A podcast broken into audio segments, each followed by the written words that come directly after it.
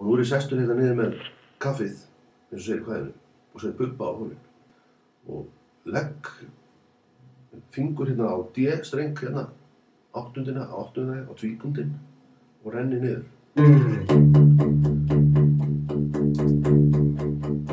Svo bara spila maður þetta með nögl. Mjög mikilvægt. Ef einhver ætlar að leifa sér að spila þetta lag með puttunum, þá er mér að mæta og þessari nögl og henni verið beitt þessi vopni. Og downstroke, takk fyrir. Downstroke, fyrir það sem ekki það vilja vita hvað það er, það er þegar leikið er sko niður, alltaf slegið niður. Þess að hérna, niður, niður stroka, niður, ekki niður talning, niður, niður, niður stroka. Og við spilum.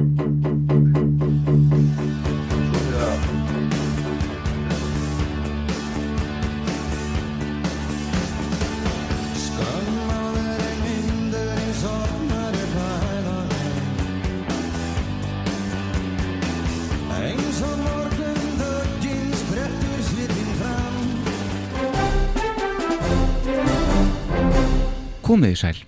Ég heiti Atli Hergersson og við erum stödd í þriðja þætti af þessari þriðju þáttaröð af leikongavílinni.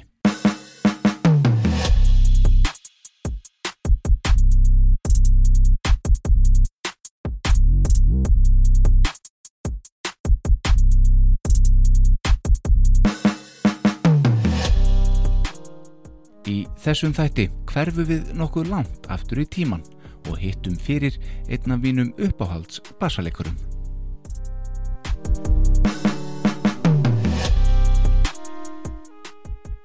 Það er hinn tjekkneski Böttvæser Budvar léttöl sem býður upp á þetta allt saman. Okkar plata í dag er nokkurn veginn eldgumul. Hún kom út árið 1982 sem gerir hana 38 ára þegar þetta er tekið upp. Þessari plötu stall ég úr plötuskáp systur minnar sem er tölvert eldri en ég. Mér fannst þessi plata afskaplega spennandi og eitti miklum tíma í að hlusta á hana sem ungu drengur á meðan ég skoðaði myndirnar á bakliðinni. Þessi hljómsveit inniheldur söngkonu sem er í dag superstjarna á heimsvísu, sjálfa Björk Guðmundsdóttur. Við erum að tala um plötuna Bitið fast í vitið með Tappa Tíkaras og með mér í dag er basaskáldi sjálft Jakob Smári Magnússon. Við hlustuðum saman á plötuna Bitið fast í vitið og rættum hana á samt öðru sem Jakob hefur komið að. Helvítis Míranda.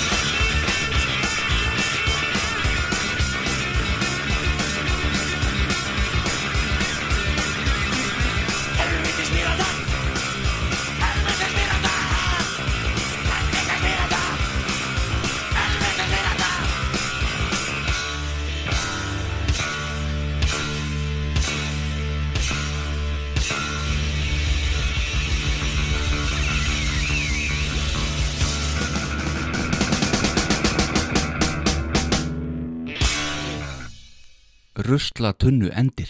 Já, hann má segja það. Já, Jakob Smári Magnússon, verður velkominn. Lakaði fyrir.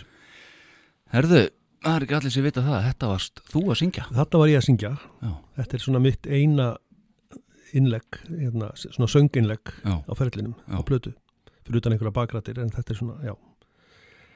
Þetta er, þetta er punk Já, þetta er punk. Já. Já. af plötunni. Af plötunni Míranda. 1983. Já, En plata þáttanins, hún er aðeins eldri, ári eldri. já, 82. Já, Já, passar, já. bitið fast í vitið Vitið fast í vitið. sem við sjáum hérna. Ég Já, og já. þú. Já, já, við sjáum hana hérna, sko, en ekki þeir sem eru að hlusta. Nei, akkurat. Hérna, þú eru aldrei slitið bassastreng. Nei, Ég heyrði þið segja það eintján. já, það, Já. já, það er rétt. Ég hef aldrei slitið. Ég einu sinni var ég að setja streng í Já, á slitna, þá var hann, hann var bara gallaður, sko. Er en ég ekki aldrei spilað þannig að ég slíti streng sko.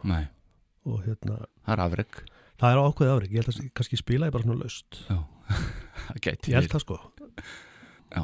Koppi Mag, er þér rugglað við Jakob Fríman einhvern tján? Nei, sko það kom aðeins fyrir henni í byrjun að hérna ég man að ég fekk eitthvað stefgjöld fyrir eitthvað lög sem ég kannast ekkit við. Já, stuðumarlög. Nei, það var reyndar af hans sóloplötu, fyrstu.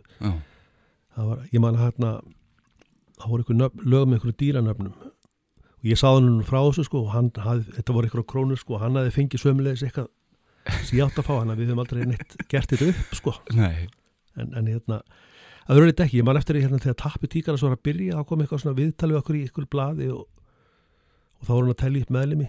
Já, þú veist það er Jólfur Jónsson gítar Jakob Magnússon bassi, nei ekki sá stóð svona í svega annars hefur mér aldrei verið ruglað það. Það er gott í símaskona. Ekki sá, já, einmitt, sem starfseti. já, sem starfseti já, Já. Ég, ég skráði mistari núna, Já, mistari Jakob en hérna, já, ég ætla kannski að breyta því Já. nei ekki sá, já. Já. En bassaskáld, það er nú eitthvað sem ég tengi við þig. já þetta er titill sem að ég, sko, Hörður Torfason notaði þetta á mig, ég var að spila eitthvað með honum aðeins inn á einhverja tvær blötur og þá kallaði hann mig bassaskáld sko. Já, sjálfur er hann sönguaskáld einmitt. að ég skáldaði svona einhverja bassalínur og, og ég hef alveg notað þetta sko Já. og hérna, Út nú góður því. Já. Átt, áttar nokkrar. já nokkra línur sko þannig að ég, og sem ég hef skáldað Mm þannig að bassaskáld er alveg ágætis starfsetti Já, ég var með það líka í símaskráni sko Já, þannig að það. breytti mér í mistara já, já. Eins og ég var að segja við hérna alveg íttum að rekk. Út nú svona haft áhrif á sjálfa mig já, já, í, í já, já, já, já. Þannig hérna ég var mjög spenntu fyrir að, að taka þennan þátt og ég þakka þér innilega fyrir Já, að, bara- að, að koma mín er ánægir, gaman að heyra það að, hérna, á svona COVID-tím. já, einmitt það, það, er, það er ekki margt sem maður getur gert í dag Nei, alls ekki. En ef við förum aðeins í, hérna, ég er nú með smá handrit fyrir fram mig, við reynum að fara í gegnum þetta eitthvað, já, svo bara leiður þetta okkur, okkur eitthvað. já, já, Höfum þetta afslapað. Uh, þessi plata, hún er 38 ára gömul. þessi hérna byrti fast í vitið Já, einmitt. fast í vitið. já, Þú varst 18 ára. ég var 18 ára hljómsveitin byrjaði sko 81 Mm og byrjuðum bara fjórir sko ég, ég Eyjólu gítarleikari Ottur trommari og svo Eithor Já. Þetta er Eyjólfur sem var svo með í SSO. já, já, já, Svo Eyþór, Eithor, uh, sjálfstæðismæður. sjálfstæðismæður Já, Og en hérna- Oddur, byrju. Ottur trommari, hann var með okkur í byrjun svo, svo kom Guðmundur Gunnarsson sem spilar Já. á plötinu og var með okkur Já, kokkur. kokkur Já. og hérna Ottur er búin að var í hljómsveit sem heit San Diego og hann, hefur verið að spila helling sko síðan og hérna en við sem sagt fengum þetta plötusamning og vorum búin að starfa í sem sagt tæft ár held ég. Já. og þá var sem sagt steinar plötuútgáðan þeir voru með svona hliðar fyrirtæki sem heit spór Mm sem var svona til að sinna svona nýjum böndum. Ég, meina, ég held að grílunar hafi verið aðna og við og eitthvað, kannski bara flokkurinn í maður ekki. Og við fengum plötusamning sem var náttúrulega rosalegt stórt mál fyrir Mhm. okkur þá. Já, og hérna fengum að taka upp þessa plötu sem svona, ég, þetta er svona það sem kallar epiplata, þetta eru fimm lög. Og við fengum 30 tíma í hljóðrita til að taka þetta upp sem er ekki mikið, Nei. 30 klukkustundir. Og hérna og þetta er afraksturinn Tony Cook, hann tók Tony. Cook tók þetta upp, hann var svona svolítið upptökumöður Íslands á þessum tíma. Algjörlega. og búin að vera það mjög lengi áður og hérna tó, búin að taka upp margar af bestu plötun landsins og hérna já, já, hann tók þetta upp. Er, ertu í sambandi við hann eða? voða litlu, ég svona aðeins eftir að Facebook byrjaði sko, þá var maður svona aðeins já. þólið var við hann þar. En mér- svona mér alltaf langa að hitta, ég er nú búin að vera mikið að úti. Og mér skilst að búa í Skotlandi núna. Mm. Hann kom hérna náttúrulega að hlusta á Eik í já, bæjabíu. já, já, bara. einmitt, Já. einmitt Tók upp Eik og, já, hérna, já, já, já, og, og rosa mikið. Hann, hann er með, uh, hvað hefur að segja, fingraförinn hans eru klálega á tónlistinni hérna. já alg, algjörlega sko, það hann hérna Hann er örgulega meðvitaður um það. já, já, já, hann bjóð hérna í mörg ár sko og, Já. og hérna var giftur íslenskir konu Já, ok. og já, tók upp bara, hérna, hann var bara alltaf í hljóðrita, hann var alltaf allt tekið upp í hljóðrita, svona me- megnið þessu öllu og hérna, þar var hann, Uh, Tappi Tíkaras, þetta nafn, já, kemur frá pappa hennum ekki? það kemur á pappa þú hefur greinlega unni heima en þú, þú getur bara að tala og þarf ekki að spyrja mig. Já, þetta var að því að bandið var stopnað, þetta var svona svolítið djók hjá okkur fyrst. Málið er að sko, þau voru öll í hljómsveit, hínir, meðluminir, Björk og strákanir, Já. Sem geta háspenna lífsætta og var svona alvöru gefið svolítið svona progg, ég veit ekki hvað á að kalla það sko. Já. Hann var til einhverjar upptökur með þeim á YouTube held ég og svo fór Björk til e, Fraklands held ég, eða Kýpur eða eitthvað sem, sem au pair. já. Þá ákvaða við að stopna þetta band bara með hann Mm og þetta var bara eitthvað svona djók og, og ég svona var með hugmynd að kalla þetta tapar svona hallar, eitthvað hallarinslegt og pappi hlópar og sagði, akkur kallar þetta ekki bara tapar og það var bara keift En hvernig datt hann að það hefur? ég veit ekki.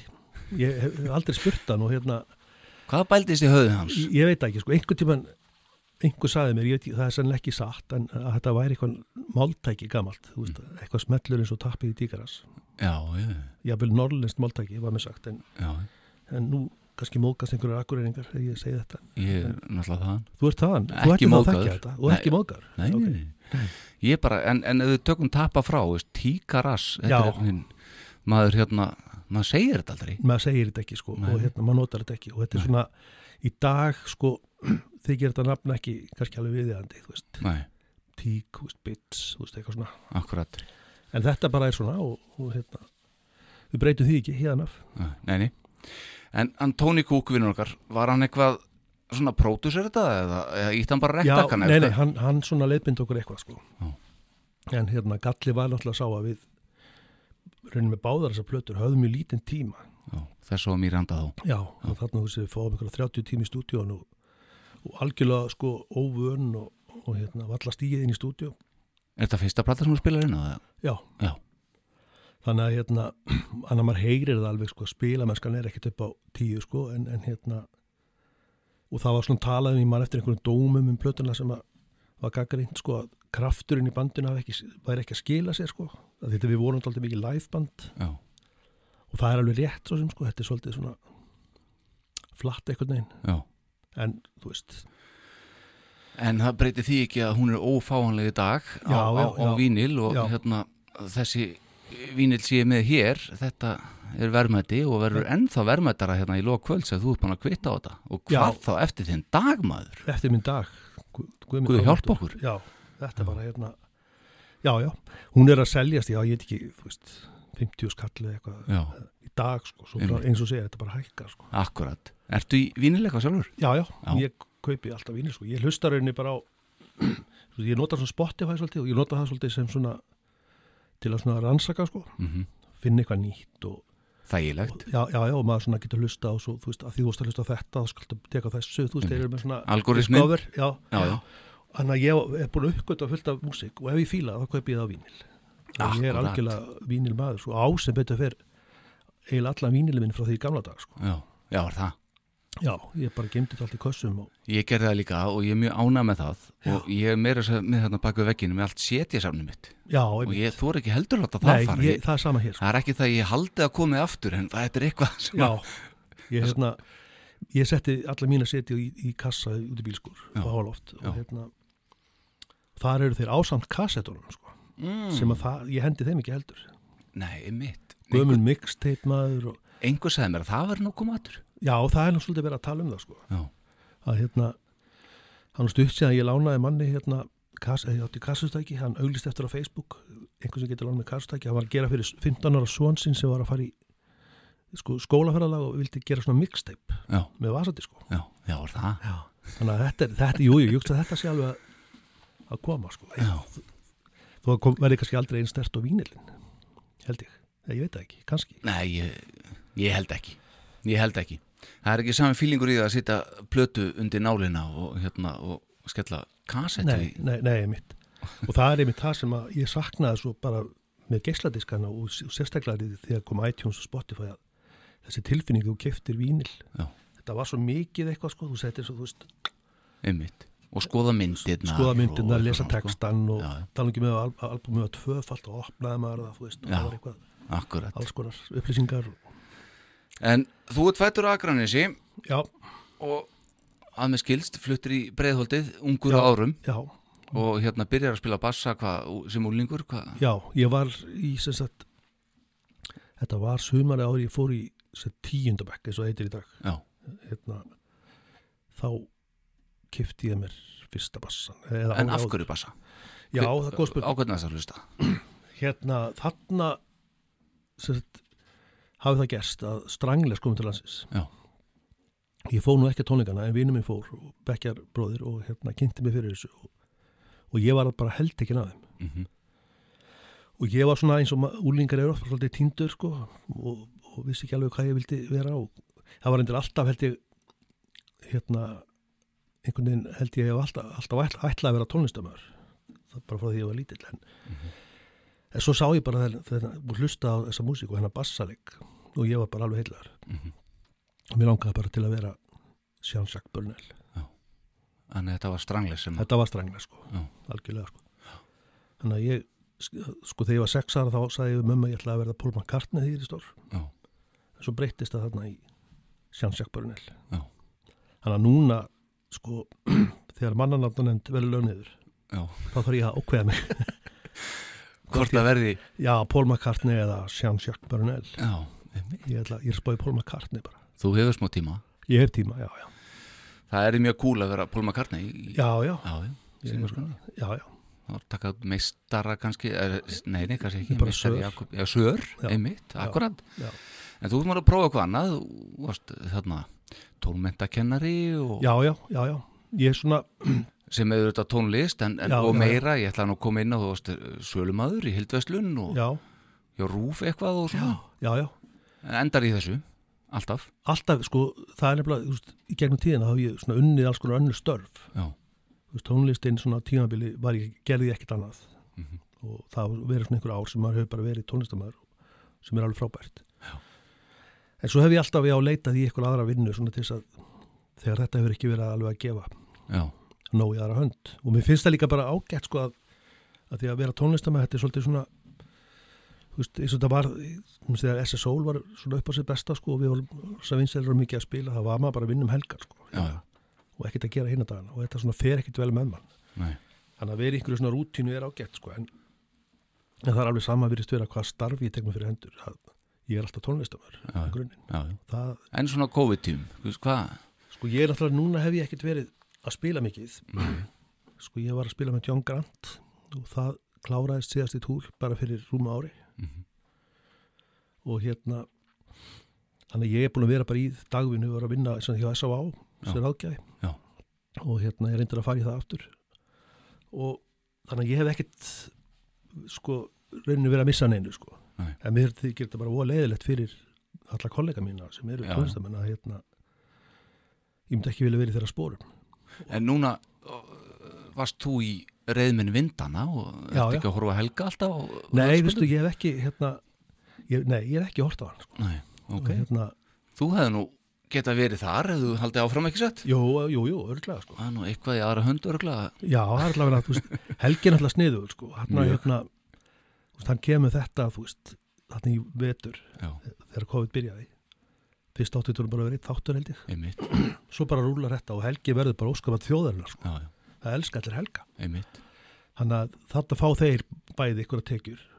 Og svo er þetta líka bara svo gott, þú veist, upp á framtíðina, sko. Já, heldur betur Helgi kom og hjálpa maður. Fálkaorðan, hann átti það nú alveg skilið og hérna, og hvað. Við myndust á sem sagt, reyðminn vindana en við erum að tala um Das Capital MX21, Já, Ego og svo bara Bubbi eins og leggur sér rauninni Bubbi svolítið mikið á tíðanbili, já. Já, Grafík, Grafík, SS Soul, Já. John Grant Já. og svo þetta Tappi já, tíkalis. En uh, stöldurum aðeins við MX21 Já, Þar var bróðin með, þar bróðum við með. Já, Stanja Stanja, eins og hann kallar. Já, Það var hérna band sem að Bubbi stopnaði, hann sem þetta var gefa út plötu, þetta var 86 held ég. Já. Gáð plötu sem ég frelsi til sölu já, og hérna setti saman band svona til að fylgja henn eftir rauninni. Já. Það var svona hugmyndin og hérna og við spiluðum þú veist, já, svona kjölfarblötunan einhver útgáð tónleika og svo bara vorum við spilandi svona út um allt eins og menn gera, tónleika og einhver böll og, og svona, það var mjög skemmtilegt og vor- vorum bæði með Steina bróðir og svo Lárus Grímsson sem var með Steina í Eik já, og Haldur Lárusson á trómur og hérna, þetta var hörkuband já. Eh, Kristján Falk Já, tók upp frelsi til satt jú, uh, en þú spila nú eitt lag á þessar plötu Já. allavegna, já, augun þín. Augun, augun þín. Já, augun mín, augun þín. Ég er það augun mín eða ég man þín? ekki hvort. Nei, ég man það ekki uh, það er nú alveg sko það er geggjalag, það er flott lag, það er, það, já, og ástæðan kannski að ég spila þetta, hérna, það er Þeir- augun mín. Augun mín. Þeir voru búin að taka upp plötuna og hún var tekin upp held ég í Svíþjóð. Já. Svo vildi bæ, Puppi bæta þessu lagi við. Já. og hérna Kristján var á landinu og hann spilaði trommuðar og ég Já. spilaði bassan. Og þetta er lag sem að Puppi samdi sko þegar við vorum í Das Kapital. Mhm. og hann samdi stundum á bassa sko. Já, já, og hann samdi þessa bassarín lægið sami á bassa. Og hann vildi bara fá mig til að spila þetta. Því ég hafði eitthvað verið að veist klamra þetta, þú veist, í dagskapitar sennilega. Já, en það lag kom, kom aldrei út með okkur en hann kemur já. Ég, þú ert búin að vera með eða varst með einhver svona ég var að segja kennsluvídeó eða fræðsluvídeó á, á, á hérna netinu. Já, til að hvetja til þess að halda því áfram ég horfði horfði á þetta allt saman. Já, ok. Og fyrir þennan þátt ég er þá uh, rifið ég þetta upp og ég fann ekki þáttinn sem varst að taka augun mín fyrir. Nei, ég fann hann ekki. Nei, en hérna uh, þar einmitt kemur fram eins og segir hann hafi samið þetta á bassa og, Mhm. og þú spilar þetta þarna og ég auðvitað fór eftir því og, þetta er svona góðtúlægi hjá mér því ég tek upp kassabassan heima. Já, að spila þetta eins og þú gerir þetta í þessu vídjói algjör snild og, og spilar þetta svona eins og gerir þetta í vídjónu spilar þetta þannig í upptökunni það Já, ég held að, já, já. Já. Þetta spilað voða mikið á tvo strengi. Já, einmitt. G og D. Já, Svo svona dempaði ég minni mig. Einmitt. Það akkurat, einhver já, heyrðu það. Já, já, heyrðu þetta. Já, mér list vel að það. Hlustum augu mín. Já,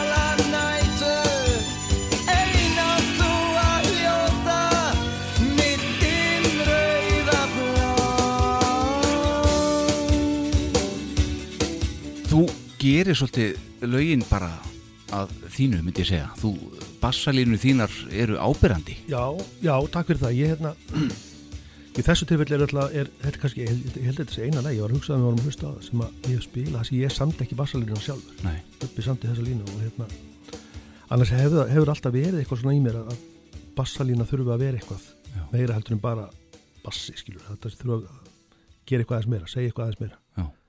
Og hérna, kannski er þetta því mér langar alltaf að vera söngari að Þú ert svona lít, Já, já, ég er að reyna að það, lít sko. bass player. Já, já, einmitt Já. Hérna, og auðvitað, sko, það sem maður var að hlusta á á þessum tíma, sko, þegar ég er að byrja að spila þessu strangles og, þú veist, Joy Division þetta er nú svolítið svona Joy Division áhrif þarna Já, já.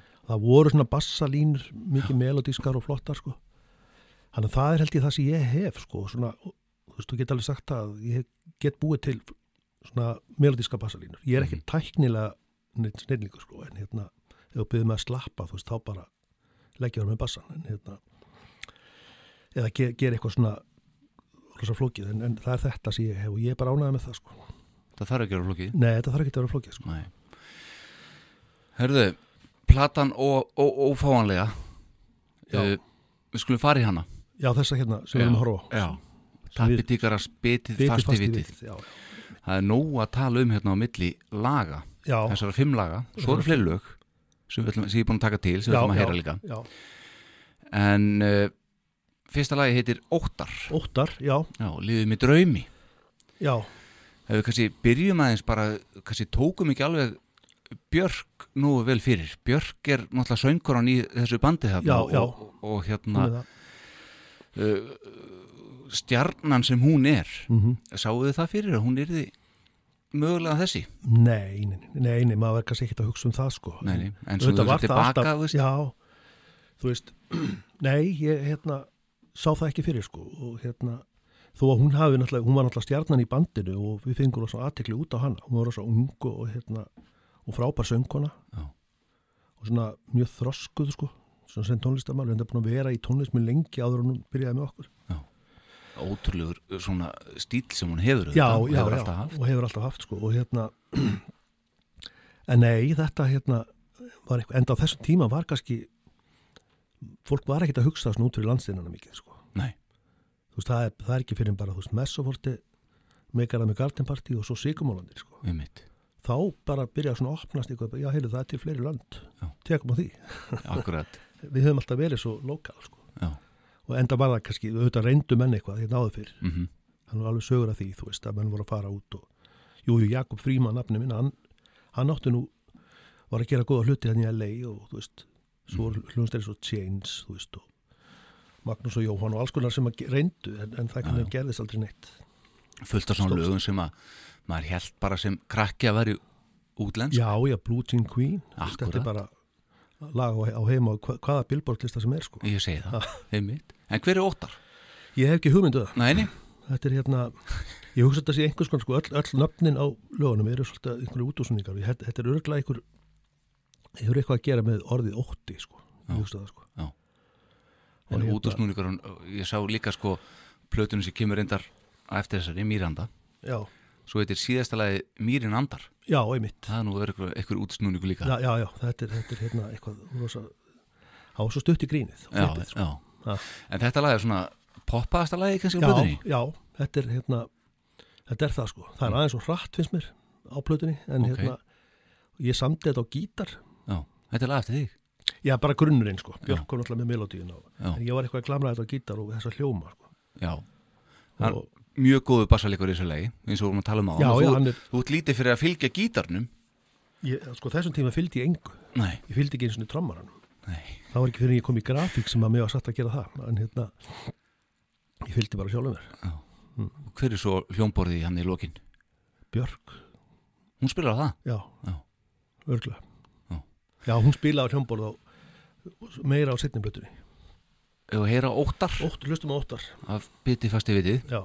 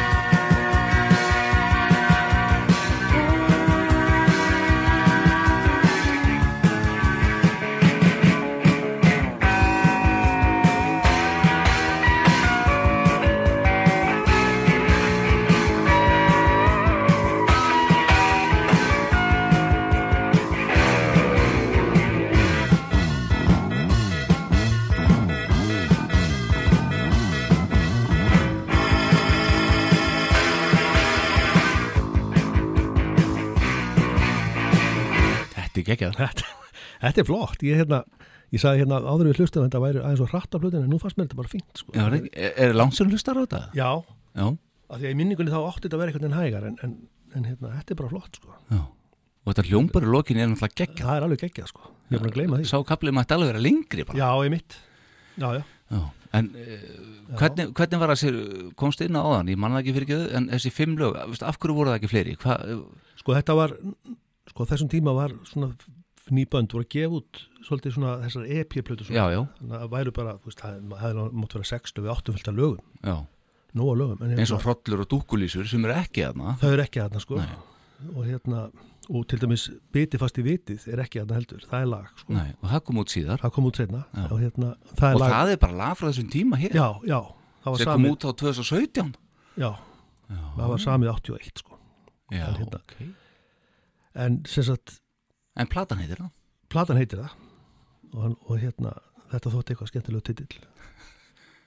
Já, en já, já, þetta var bara sagt, það var bara ekki pláss fyrir meira sko. Nei. En talað um hroll og dúkulísur, já, þið komu nú aldeilis fram í Rocky Reykjavík heldur myndinni. heldur betur og, og umslæði og, plakkatið eða hvað segir maður? Myndarinnar er Björk já, já, á sviðinu með ykkur í gula kjólnum þessi fræga mynd. Já, já, einmitt, einmitt þetta var hérna þetta var skemmtilegt. Við, þetta var tekið upp í félagsmyndstöðin Ársel í Árbænum. Já, þetta er þar? Já. Og, og bara náttúrulega bara live upptaka algjörlega sko. Og hérna ekkert sérstaklega góð, það var svolítið mis, misjant hvað, hvað bönd fengu svona mikinn svona hvað við segja, tíma eða, eða metnað í upptökunar, sko, eins og þeisarnir það er bara stúdíu upptaka sko. Já, þussaflokkurinn tekið upp stúdíu en flest annað er bara tekið upp live rosalega hrátt. Og það er einn svolítið skemmtilegt við myndina því að það svona gefur svolítið tónin bara hvernig það var. Já, það var allt svo hrátt og, og svona en talandu um myndir uh, þið áttu að sjá um tónlistin líka í nýju lífi eða ekki? Jú, við gerum það. Já, við vorum svolítið fengið fengið til að hérna Þráin Bertilsson var að gera þessa mynd og nýtt líf og, og fekk okkur til að sjá um rauninni soundtrackið eins og það heitir. Já, og hérna sem var rauninni bara að taka gömul vestmanniðalög og setja í nýjan búning. Að dúri dara dúri dara dúri day það var eitt. Það var hérna og svo var þetta bara svona ég veit þú kemur og þetta var svolítið skemmtilegt. Og Megas, þá var Megas pródusser, sko. hann var með okkur í stúdíónu og hjálpa okkur í útsetningar og hjálpa okkur að læra lögin. Við kunnum ekki þessu lög. Og hérna og það, ég menn að það var svona ein, eitt skilirið sko að það mátti ekki syngja textan sko. það mátti syngja byrjunina og svo átti þetta bara að vera svona ræra ræi eitthvað. Og, ég veit var það orðið frá ræða- framni eða hvað ha, það, hver, það, það var þráinn, sko, vildi, vildi hafa þetta þannig já, já, minni mig. ok, þannig að þetta væri bara svona stemning sko. já, og við, sem sagt, við áttum einhver lög sjálf hann í myndinni. Við komum hann fram í henni spilandi á balli. Já, og hérna og það voru tvö lög allavega sem komið síðan út á einhverju sapplötu satt númið þrjú, um, alveg rétt, kukl og sperlar. seiður og sperglas seiður og sperlar Var það ekki? Jú, lægi hérna upp alveg kukl. Hérna, því var breytt. Já, en kukl Það var- tölum við það? var einhver hljómsveit. já, var það ekki stopnað upp úr tappa? Svona, það var, ég held að maður segja að kukla hefur verið stopnað upp úr þessu tímabili svolítið, sko. Það, þú veist, það var eiginlega fengnir svona, þú veist, fengi fólk úr hinum á þessum hljómsveitum. Þú veist, Einar Örn úr Purkinum, Björk úr Tappanum, Sigtryggur og Gulli Óttas, Þeisurunum. Já. Birgir Móensen úr með nögtum. Og þetta var svona best of svolítið, þetta var svona súpegrúpa sko, já, þessa tíðabils. og hvað varst þú að gera þá? Þá fór ég hérna í Das Kapital. Já, þegar sko, þetta var sett 83 og við vorum hérna, tókum þess að plötu upp Míranda í júni og hérna út í London. Mhm, tókum hann upp á einni viku man ég og síðan var kuklið sett saman sko það var hérna útastátturinn áfangar það voru Guðin Rúna, Ragnarsson og Ásmundur Jónsson í smekkleysu sem að, voru með hennar þátt, búin að vera með henni mörg ár. Þeir voru að fara að senda út síðasta þáttin og vildu setja, gera eitthvað sérstætt og þá var sett saman þetta band kukl fyrir þann þátt. Og svo held það bara áfram og Björk hætti í tappanum út af þessu sko. Já, og hérna voru þið fúlir? Já, við vorum svona, já, já, við vorum mjög, mjög leiðir, sko, aldrei fúlir út í hana en bara svona leiðilegt og sérstaklega líka því að platan var ót komin, sko, Mhm. Míranda og hérna, og þetta kannski bara drabandið já, já, Já. kuklið, þetta er bandið, helvið skuklið helvits kuklið. Og hérna, líka við vorum pínu komin í sikkur áttina held ég sko, þetta var mjög skrítin tími hann í London vorum mánuð úti sko, en, en það fór bara síðasta vikan í blötu upptökur Já. Hitt var bara að drekka bjór og prumpa sko, það er sem, það sem við strákarnir gerðum sko, og fara og verið í London. Já, já, ég man ég fór nýr í bæ og hérna, við vorum eitthvað þvæljast þá sá ég hérna Georgie gítarleikarinn í Killing Joke bara í bænum sko, mér fannst þetta rosalegt. Já, en hérna en við vorum sett búin að taka upp plötuna og hún átti að koma út bara í oktober eitthvað svo les svo dróst hún sko og við vildum ekki hætta fyrir platan væri komin út það er svona, maður fylgir yfir plötu eftir sko. Já, já, og hérna, og ég man að við hættum þú veist, svona 20. 21. desember. Það gáttu við ekki með og platan kom út daginn eftir. Þannig að þetta var mjög dramatist þannig að við fylgdum inn aldrei neitt eftir. Enda líka flöið þessi Miranda-platan ekkert eins átt Nei, nei, nei. Hún, hún hérna hún seldist ekkert mikið og fór ekkert mikið fyrir henni sko, held ég. Fyrir henni í dag, þú veist, þú getur keft hann einhvers staðar á 50 skall. Já, þetta er svoleiðis. Það er eitthvað svo áttu hana vinnil, Já, þú átt hana? Já, já, herðu, ok, uh, næsta lag Já. Jakob það heitir Loglað loklað já, og þetta er sett, raunin bara lokað orðið lokað, eitthvað Já. er lokað en Mhm. það er svona eitthvað verið að breyta því hann eru konið hans meira pöng Já, er það ekki? jú, er, ertu pöngari?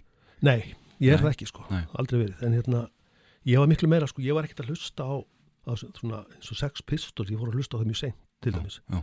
Sem voru náttúrulega bara svona boyband sko, en punkband og hérna ég veist, þegar ég var að byrja að spila og hlusta mikið á músík, þá var svona þessi nýbylgja og þetta postpunk sem kallað er komið, já. þannig að ég var miklu veist, Killing Joke, Bauhaus Simple Minds á þeim tíma og, og svona punkið höf, höfði aldrei neitt sérstaklega til mín, mest þetta er bara eitthvað drasl. Þarna er alveg gríðarlega grípandi viðlag, myndi ég segja. Já, og alveg ótrúlegt að, veitu, Björk er hún ekki ári yngrið þú hún er þá Jú. 17 ára þarna. Já, bara þroskin sem hún er að sína þarna í þessu lagi til dæmis. Þetta er alveg geggjalað, loklað. Loklað, já, hlustum á það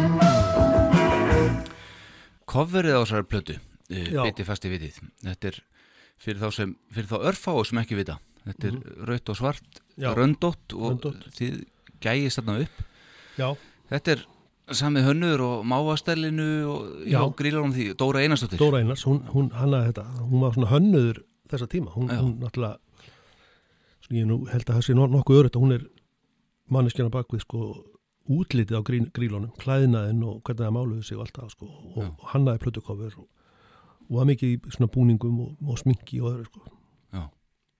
Gaman að segja frá því. Þið komið svo saman aftur Tappi Tigras Já, og tvö- 2000 og hvað, 15 já, já, einmitt, það. Já, hérna, bara alveg í, í hérna Eithor komin með og, og gefið út plötu og allt já, þetta já, þetta tók svona svolítið óvænta stefnu sko. En, hérna, þetta byrjaði nú eiginlega á því að við fórum út að borða, ég, Eithor og Eyjó. Sko, við Eyjó höfum alltaf verið í sambandi sko, gegnum SSHól meðan við vorum þar. já, og við kannski minni í sambandi við Eithor. Svo áttu allir ákveði stóramæli, þarna 2014. Já. Og hérna fórum út að borða. Og þá kom þessi hugmynd að væri gaman kannski að hittast einhver staðar í einhverju húsnæði og, og hérna rifja upp þessi lög bara svona í ganni, sko, sjá bara hvað við munum. Já. Lögið svo bitið fast í vitið sem er hérna einmitt, titil, titil, titil blöðnar og hérna heila döðir og Já, það, kom, það var samið sko. Við áttum nokkuð lög og við, hérna, sem er á þessari plötu og við rifjum þau upp. Já, ok, Stundum myndu, við bara titilinn á læginu eða, en sumt kom bara sko. Það var bara eins og þeir aldrei, við höfum aldrei hægt að spila. já, Og hérna, svo þegar vorum búin að rifja svona upp það sem við gátum og, og, og myndum, þá fórum við að semja nýtt. mm Og það var einmitt á heila döðir, það var eitt af hérna, fyrsturljónum eith og samti þá kassagítar, svona Já. barnankassagítar. Það er nýtt lag, Það er nýtt lag, sko. Já, já. það hljómar alveg eins og sé gamalt sko Já, einmitt. Já, það er, daldið, það er svona punklag. Sko. algjörlega já, Eithor, er hann meiri pönkar en þú? já, hann er það sko. Reyndu, Eithor var punkari sko. já, hérna, gamla dag sko. á hann fór á selvaðið Á, já, hann var kolvillas. Hérna, hann var byrjað að hlusta á þessa músík sko, úr punktónlist löngu und- undan mér til dæmi sko. Svo þarna voru nokkrir, nokkrir hérna, sem að voru svona undan. Þetta er náttúrulega allt annað samgangur, þú veist, og mm Mhm. maður, maður, hlutinni bárist ekki eins rætt til landsins eins og í dag. Og hérna, Nei, nei, þannig að það var allt svo lengi að koma Já. pönki kom ekki til Íslands fyrir en sko hvað 1980, kannski einhverju viti já, já, og þá var það bara búið í Breitlandi sko. já, í mitt Akkurat En En hérna- hérna Byrja hér já, en Eithor var búin að fara eitthvað út og hann átti einhverja plötur að hlusta á Sex Pistols og Ramones og Stranglers og Klass og svona en hérna, Reynduð eitthvað að fá Björk með ykkur þarna? nei, það, við vorum bara ekki með númer hennar. En við höfum alltaf talað um það að hún er velkomin sko, Já. á æfingu. Já, við erum alltaf með tilbúið mikrofón fyrir hana. Já, ég skal trúa því. En svona, Ertu í sambandi við hann eitthvað? nei, Nei, ég er það nú ekki sko en hérna en þetta eins og ég segi, þetta átt aldrei að verða neitt meira en bara svona hittast aðeins í bílskúr og svona einhver sömuklúpur og Já. svo bara vattið einhvern veginn upp á sig og, og þetta var bara svo gaman já, og hérna þannig að við sagt allt í hennu voru fyrir að spila við spilum hérna live og hard rock mm á einhverju svona fyrsta des punk hátíð Já. Og svo gerðum við þessa plötu og ég er mjög ánægð með það sko. ég er ánægð með að hafa komið þessum lögum út. Það eru hérna þessi fjögur fimm lög sem eru frá 81 að hafa gefið þau út. Bara koma þeim í eitthvað form. Já, einmitt. Og svo, svo, svo er svona kannski 60% nýtt efni og, og mér finnst það alveg passa ágætlega saman. Mm ég held að við höfum kannski reynt það viljandi að hafa svona í svona svipum anda sko. Já, það tókst. Já, já, ég held það bara Eins og heila döður, ég held að það veri já, já, eldgamalt til lag dæmis, sko. já, já, einmitt. Herðu, byrjunum við, illt í efni. Já, Þetta er nú talandi um eitthvað orðagrín maður. Orðak illt í efni, þetta er alltaf bara illt í efni. Nú er illt í efni maður. Já, Og hérna- skrifa sko I-L-T-U-S-O-L-N-I E-B-N-I já, einmitt, Illt efni. Efni já, Hversu myndi að skrifa svona? ég hef ekki hugmynd sko. Nei, nei. þetta er eitthvað svona er þetta ekki bara einhver þú veist, feimni eða eitthvað, þú veist, að slá allir upp í grín ég veit það ekki. Ég veit það ekki, það getur ég, það getur við, sko, að hérna get ekki bara komið fram eins og maður er og þurfa að svona, fara í einhvern grínbúning, ég veit það ekki sko. Þetta er nú með eitthvað stærstu lögum. Já, þetta, sko, þetta var svona hittar enn plötunni. Já, einmitt. ef þetta er að segja svo. Það, það hérna, á þessu tíma var hann bara einn út á stöðalandinu mm og hérna rás eitt. Og þetta lag komst þar inn á einhvern lista sko. Já, og það var til þess að við hættum að spila það live. Það var, þú veist, algjörlega off að vera með eitthvað á vinsaldalista sko. Og þegar við spiluðum það, það er punk. Það er punk. Og þegar við spiluðum það þá spiluðum við það í einhverju svona punkutgáfa og bara, það var bara öskrað og hérna. Og þetta er mjög skemmtilegt sko. Hver samt þetta? Uh, ég mann það ekki. Allir hérna allir Eyjó hafi ekki komið með þetta riff. Njá, njá, njá, njá, njá. Já. og hérna, þetta var allt samið svolítið mikið sko, menn komið kannski með að við eitthvað að heiman, einhver, einhver riff eða einhvern grunn. En þetta var voru mikið samið allt bara í saminningu á æfingum stundum bara út frá einhverju djammi. Og hérna já, þetta er mjög Er þetta svona mikið til þegar þið fóru inn í hljóðrita og byrjuðu að taka þetta upp er þetta mikið til bara eins og þið spilaðu þetta á æfingu eða, eða er Tony Cook með puttan eitthvað svona aðfinnalega í þessu? ekkert sko þann, nei, þetta, við spilum þetta svolítið bara eins og þetta var. Hefur kannski komið einhverja, einhver komment ég maður það ekki sko, en hérna en þetta var svolítið bara tekið eins og það hafði alltaf verið gert. Já. Við erum bara komin í meira punk í rauninni. já, ég mitt, Þetta er, ég er engin mankar nei, Nei. nei, nei. Ílt í efni, heyrum þetta. já, heyrum þetta Flarar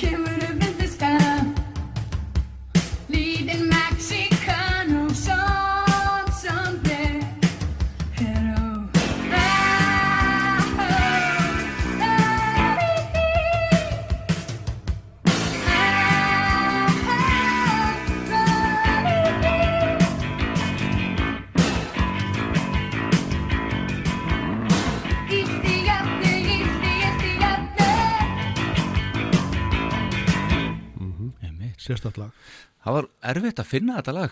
já, það, Já, svona Já. í tölvutæku, sko. já, Glöggir eh, hlustundur heyra þetta, þetta var svona tekið af vínil. já, einmitt já, já, að því að hérna eins og til dæmis á Spotify þar er, þessi platar ekki þar nei, nei þetta hefur sko al, aldrei verið gefið út aftur Nei. rauninni, og hérna nema sem eitthvað bútlegg þú veist og ég veit að það hérna, sérstaklega mýrandaplatan ég sá einhvern veginn eitthvað bútlegg að henni þar sem var búið að bæta á hann einhverju lögu sem Björk söng með Dr. Gunna, einhverju bandi svarkvöldu draumur eða bless eða eitthvað. Já, og hérna og fyrir mörgum árum, það er nú svolítið langt sem kannski tíu eða meira þá hafði ykkur doktor Gunni samband við mig og þá var hann að vinna hjá Smekklesu í netútgáfni þar.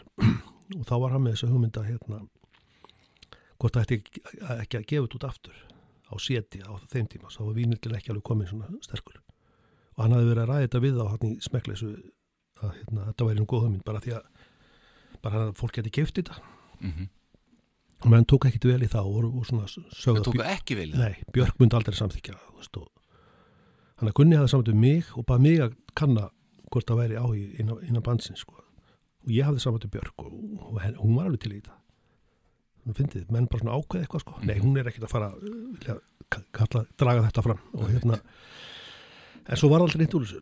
Þannig að, og ég hugsaði reynda á þeim tíma að ég kannski er þetta að vera best geimt þarna í fortíðinu og, en svo náttúrulega fólk hefur á alveg rétt á að kaupa þetta ef vill og þetta er bara partur af sögunni og, og mér finnst miklu betra að fólk kaupi þetta hérna svona frá útgefanda heldur en einhverju bútleiki Einmitt, einhvers þar. já, já, akkurat. Safari, Safari, já, þið spiluðu svolítið þar á skúlagötunni já, já. Það var hérna Var ekki Tommi sem með þetta? það var hérna, nei, hann hétt hérna Nei, Tommi var með Tommi var með Vista Tryllta Villa, Já, sko. sem var hann undan Já, já, hann var ekki með þetta sko. Nei, þetta var, sko, Safari tók svolítið við að borginni, sko, borgin var náttúrulega svona greiðastaður okkar já, þar spilaði maður, þar fór maður á tónleika og þar fór maður síðan að djama um helgar já fyrstum og lötum og En Safari var svona, það kom setna sko var það ekki bara meira úlingar líka? nei, ekki, ekki svona í minningunni sko, það, sko þegar borgin lokaði fyrir skemmtanhald þá var fólk svolítið svona það bara svona svipað upplöfið svo þegar NASA lokaði hérna, veist, Já, já, hvar, hvar á að spila og hvar á og maður, hvert á maður að fara. Þetta var líka eini skemmtistafurinn sko. já, þú veist það var bara annarkot vastu þarna eða í Hollywood. Og þangast stegi maður náttúrulega ekki og hérna en Það hérna, var bara gamla fólkið eitthvað? Já, það er bara eitthvað diskofrík Já, já, helvitis diskofríkin. Já, og hérna þá opnaði þessi staður. Hétt Safari, hétt Roxy og hétt Casablanca. Hann hétt, hann hétt Jóhannes sem var með þetta. Og hérna ok. og þarna voru tónleikar, þetta var ekki sama allstaðan og, og hérna á borginni, ekki eins flott, sko, ekki eins flott svið og ekki eins flottur salur, miklu minna og meiri svona klubla stemning, en samt mjög góð stemning. Og þarna voru margi flotti tónleikar Hva- Hvar að skólagötu er þetta? þetta er hérna eiginlega við hliðin á á keks, svona vinstra megin við keks, já, ok. Ég man ekki alveg hvað er þetta núna. Hvað hótel eða ekki? Já, gæti verið. Kennði ekki alveg fyrir mig, kannski, kannski bara að fara í Já, En þarna hérna, minna Das Capital byrjaði þarna, við æfðum þarna Já. hverjum degi og fyrstu tónleikundur okkar voru þarna. Mhm, og þarna sá ég mitt grafík einhvern tíman ég sá Nick Cave. Ég sá hérna Einstúsend Neubáten þíska háabandið þannig að þetta eru svona og, við, og svo heldum við tónleika ég held að við tappin hafa ekki spilað þetta fyrir en bara við komum saman aftur. Já, þarna eftir ykkur já, sem við verið það 86 bara eitthvað svo leis Já. og ég man ekkert út af hverju við vorum að því sko. Bara langaði bara að spila og hérna tókum tvenna tónleika held ég. En hvað af þessu svona er eitthvað sem stendur upp úr svona SS Soul, Das Capital Grafík plánetan, þú veist í ég plánutunni það stendur ekki upp úr kannski en nei, nei, en samt ha, Bong? Bong, varstu ég, að spila var um- þar. Já. já, já, maður er búin að koma við að við sko. Heldur spilaði ég alltaf með Tottmobil inn á fyrstu plötunum sko. Já, ég spilaði megnið að fyrstu plötunni eða helmingin, kannski, Já, fyrir ekki. Að Jói Ásmunds hafi spilað eitthvað líka. Og svo kemur eður já, svo kom, já, svo kom Eyður hérna, ég einhvern veginn á þessum tíma, það varstu bara í einni hljómsveit sko. Já. Það er ekki svo í dag þegar menn eru mörgum einmitt. og ég var bara í SSO og ég gæti ekkert verið að spila með Tottenham líka sko. hérna, Það var það ég, bara bannað eða já, það var ekki vel séð sko. af, var hinum nánast- í bandinu já, það var svona óskriður regla. En ég spilaði samt hérna, á, í lögunum hans Eithors sko, á næstu tveimum plötum. E- hérna, eldlægið og, og eitthvað fleira sko. ok. Og bara Ég svona, vissi ekki af þessu tóttmobildæmi þaður nei, það ekki. Nei, það var hérna, það er eitthvað nýtt þegar við vorum að taka fyrstu plötuna við lendið í einhverjum bassaleikara vandræðum sko, vorum búin að taka eitthvað upp og svo hóuði mig sem var mjög þægilegt því ég bjó í sama hús á stúdíóið þannig súðavóin, Já, grjótnamann nei, ég það ekki grjótnamann, ég held að, jú. Jú, það var þetta niðri og ég bjó bara efstu hæðinni í svona pínlítilli einstaklingsýbúð já, ok. Og hérna þannig ég gæti bara að fara á inni skónum sko niður og spila. Einmitt. og svo spilaði ég með fyrstu útgáðutónleikana kom eitthvað fram með þeim í sjónvarpinu og hérna og svo eins og segi næstu plötu, næstu tvær þá spilaði ég einhver tvö lög, Já. hverju plötu. Já, ég heyri það. Kjánulegt að mér að hafa ekki vitað af þessu. Að þetta er svona falin, falið lindamál Já, heldur betur, og sníklabandi já, já, ég fór þangað. Og hérna, hvernig var það? það var, Er það fyrir ditta vinn minn eða hvað? nei, eh, svona ditti hætti og ég kom hann inn smá tíma svo kom hann aftur. Uh, þetta var 90 og 2, 90 nú er alveg röglega, 96, 7 eitthvað leys þá var ég, ég var hætti í SSól akkur er það? Ég var bara bara orðin eitthvað þreyttur þurfti bara að breyta til.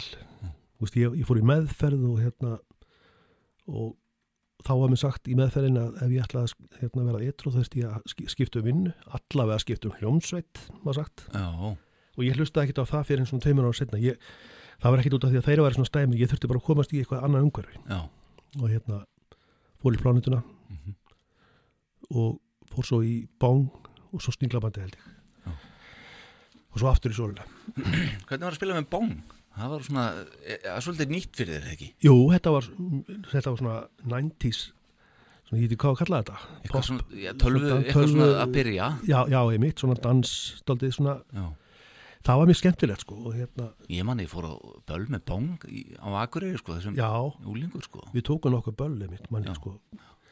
Og hérna en þetta var, þetta var ekkit kannski vinsalasta hljónsið landsins en, en, en það var mjög skemmt, það var gaman að vinna aftur með Eithori og svo var ég að vinna aftur með, í fyrsta getið með Gumma Jóns Sálar, gítarleikar, hann var á gítar sko. Já, já, og þarna kynntist ég líka Adda Ómars trómar í Ham, hann var með okkur. Já. Hann að, þetta var mjög góður hópur var hann hafði- í þessu? hann var í þessu, Já. Já. hann var ekki á plötur, ég spilaði hérna plötuna en ég, ég og Eyður og hérna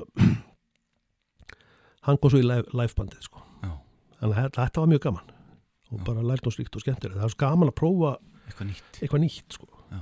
til þess að fara í sníklabandi sko. það var, ég læriði rosa mikið á því Já. að því að það, þú veist, fyrsta giggi var bara rást tvö í Já. ekkert búið að æfa og bara óskalög og já, varst þú í því? Ég- Já, ég, ég var í því og svo hérna, fekk góða sögur af þessu mitt, ég var með ditta hérna sko fyrir einhverju mánuðum síðan. Hann kom einmitt inn, inn, inn á þetta hvað, þetta var nú kræfjandi já, þetta var þetta var mjög, ég mani eftir þessu sko þetta var mjög skrítið að mæta þarna bara aldrei þú veist, eftir neitt með þeim. Ég var búin að pikka upp lögin þeirra eitthvað sko Já. en svo fólk bara hringinn og, og þessi helgi var mjög hérna, skrautlega sko, þetta var 50 dagur á rás 2, föstu deginu fórum við og spiluðum á Ísafirði á einhverju svona 16 ára balli lögadeginu spiluðum við á balli með 20 ára aldarstumark, aðeins eldra fólk.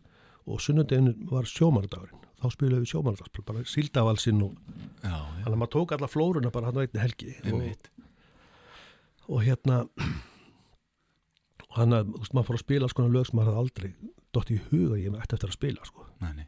svo vorum við húsband þarna það heitir Gullhamrar var þá í hérna nýri, nýri vorum bara hverja helgi og svo kom bara nýtt og nýtt fyrirtæki svona ársáttíðir og það, þá er það ekki svona veksmiðuvinna? Jú, og þá man ég að ég tók ákvörðun að nú er ég hættur bara. Nú fór að finna mér eitthvað nám, þú veist, ég ætla bara að fara að læra að verða eitthvað annað. Já. Kokkur eða, eða tölvu maður eða eitthvað og hérna hugsaði bara nú er þetta búið. Já. Ég get ekki meir. Bara ætlaði bara hætta sem tónlistafur og hérna.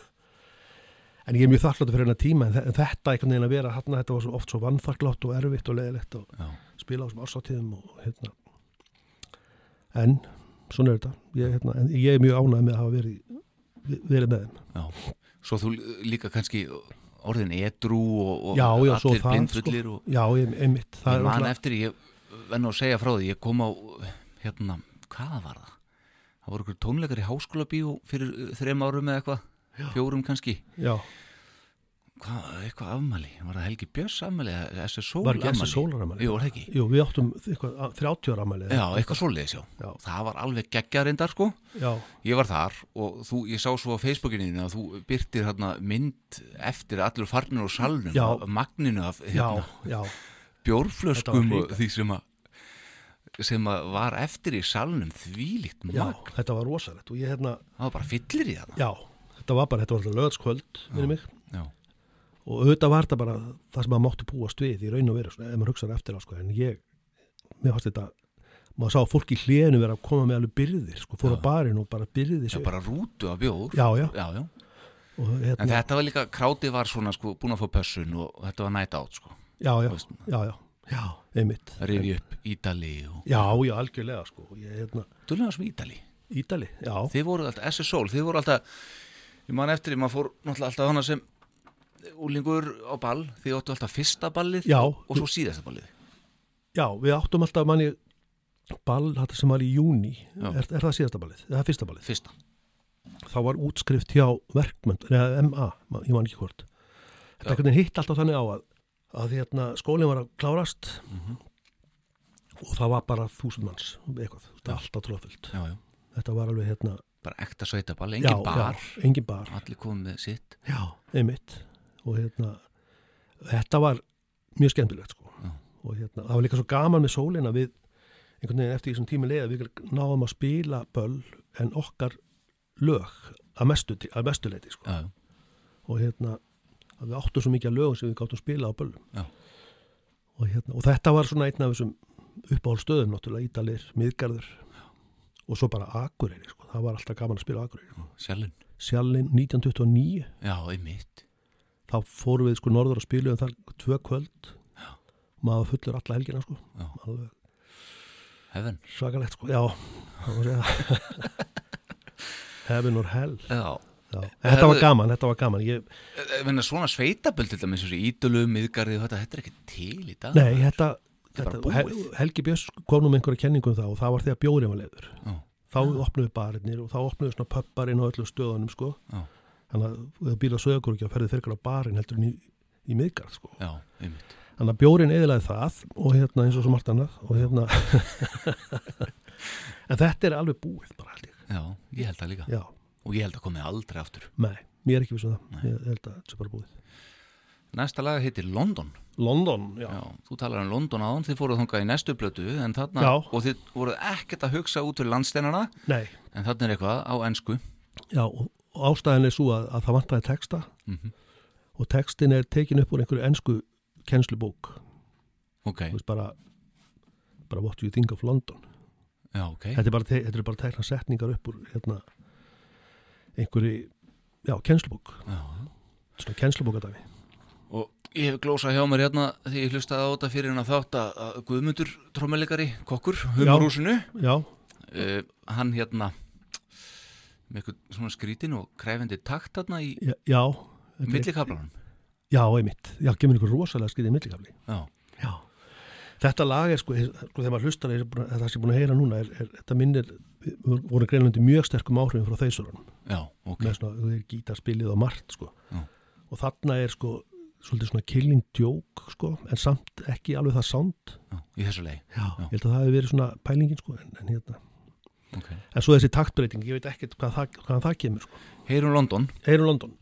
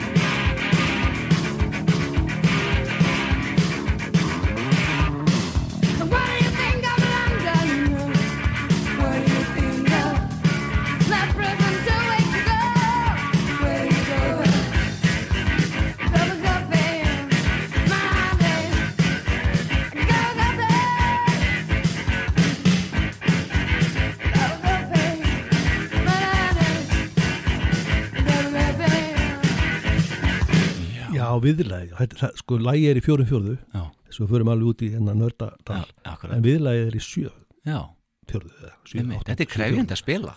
Já, einmitt, þetta er svona við, við, náttúrulega vorum svona pælt. Já.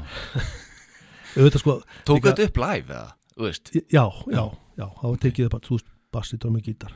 Bara allt í einu. Já, hvort að söngan var svo gerður eftir og ég, ég Já. maður það ekki. Ok, en við náttúrulega vorum að hlusta á alls konar en það er bara svolítið gaman að segja frá því að þe- þessum tíma þetta 80, uppur 80 þegar að svona punki og nýbylgjan er allsráðandi, þá hlustaði þú ekkit á eitthvað sem var eldri en það sko, eitthvað sem kom fyrir punkið. Þú hlustaði ekki á þungarokk, þú hlustaði ekki á Deep Purple eða Whitesnake eða, en það gerðu við hins vegar sko, strákanir já, í leini já, og hérna Eyjó var allins mikil Deep Purple maður sko, frá frá þegar hann var nýjar og það breyttist ekkert og við hlustuðum alveg á þessa músík. Já.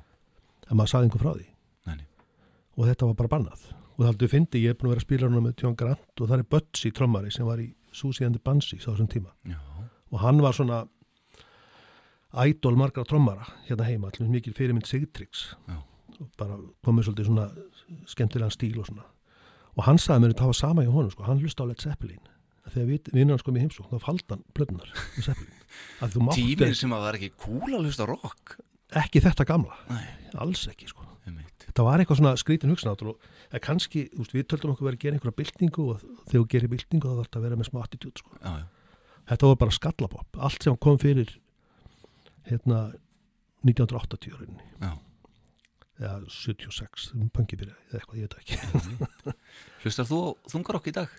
já, já, já, ég hlust alveg á hvað er að þingsta sem hún hlustar góð spurning. Já, þungarokk og þungarokk ég, hérna, þú veist, ég hef alveg fíla alveg Deep Purple. Og hérna þú veist, ég, þú veist Black Sabbath. Já. þú veist, þetta gamla stöf sko. Já, ekki, Ramstein er einu minn upp, upp á já, já, en, en ég hlust ekki á svona death metal eða trass eða hvað þetta heitir Nei, nei. saman, sko, það sem að menn rimja en þú veist, það, það get ég, ég er svona, svona ég er svona mikil melodíu sko, áður en að Stranglis verið upp á hljóðstum mín þá var Smokey upp á hljóðstum mín já, og undan því Abba. Og undan því kannski bítlanir þannig ég maður er bara svona væmin hérna mömmustrákur sko. Hmm. Talandu það? Talandu um það.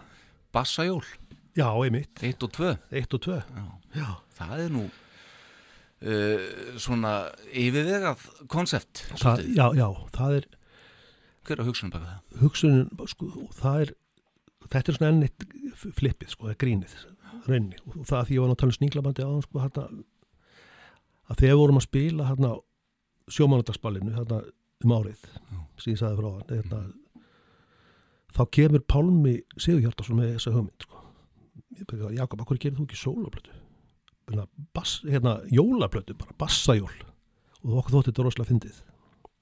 Og svo vorum við í útarpinu og vorum að tala um þetta þannig að þetta svona fréttist út. Já. og ég ætla aldrei að gera, gera neitt svona sko. og svo var fólk alltaf að spurja mig. Bara hvenær koma bassajól? Mm og hérna og það liði svona átta ár þá ákvæði ég loksins að gera þetta. Gera þetta bara heima sko var ekkert að vanda minni sérstaklega sko bara svona spilaði lögin eins og ég myndi og, og hérna. En svo var þetta bara svona í rauninni kannski vinsælt nálast sko. það seldust öll 500 eintökin. Já, þetta, þetta er svona þægilegt áhyrnar já, einmitt. Þetta, þó, þetta fekk rosalega jákvæð viðbröð Já. og hérna er bara Pálmi. Sigurhjartar á hugmyndir en þessu? Hann á hugmyndina þessu já. og hérna en svo þegar plata var búin sko uppselt og hjá forlæginu þá hérna var ég svona spói á ég að gera aðra en ég, eða þú veist, endur útgefana Já. en hún var svo illa gerð, ég ætla bara að fara að gera aðra frekar og vanda mig pínu. Og hérna, átt árum síðar. Nei það var bara svona tveim, fyrsta plata kom sko átt árum það tók átt árum frá því hugmyndi fættist að gera fyrirplötuna, já, svo man ekki hvað leið þá kom annar í bassajólum en hún seldist ekki eins vel sko, ég á henni þá til eindaka henni og hérna á seti á setja en það er spurning sko að koma þessu bara á vínil Já. nákvæmlega. Já, svona fyrir áhuga sama en hvernig verður að gera eitthvað svona ekki jóla, að, eitthvað svona bassasólu já, sólaplötu plötu, já. ég hérna ég hef nú oft hugsað um það sko. Mhm. að hérna gera eitthvað, þú veist. Og ég er alveg að, að því heima sko, ég er að taka upp einhverja hugmyndir og já, einhver lög og en svo fer þetta aldrei neitt lengra heldur en bara inn á harðadiskin og svo fæði maður sér nýja tölvu þá fer þetta í sorpu.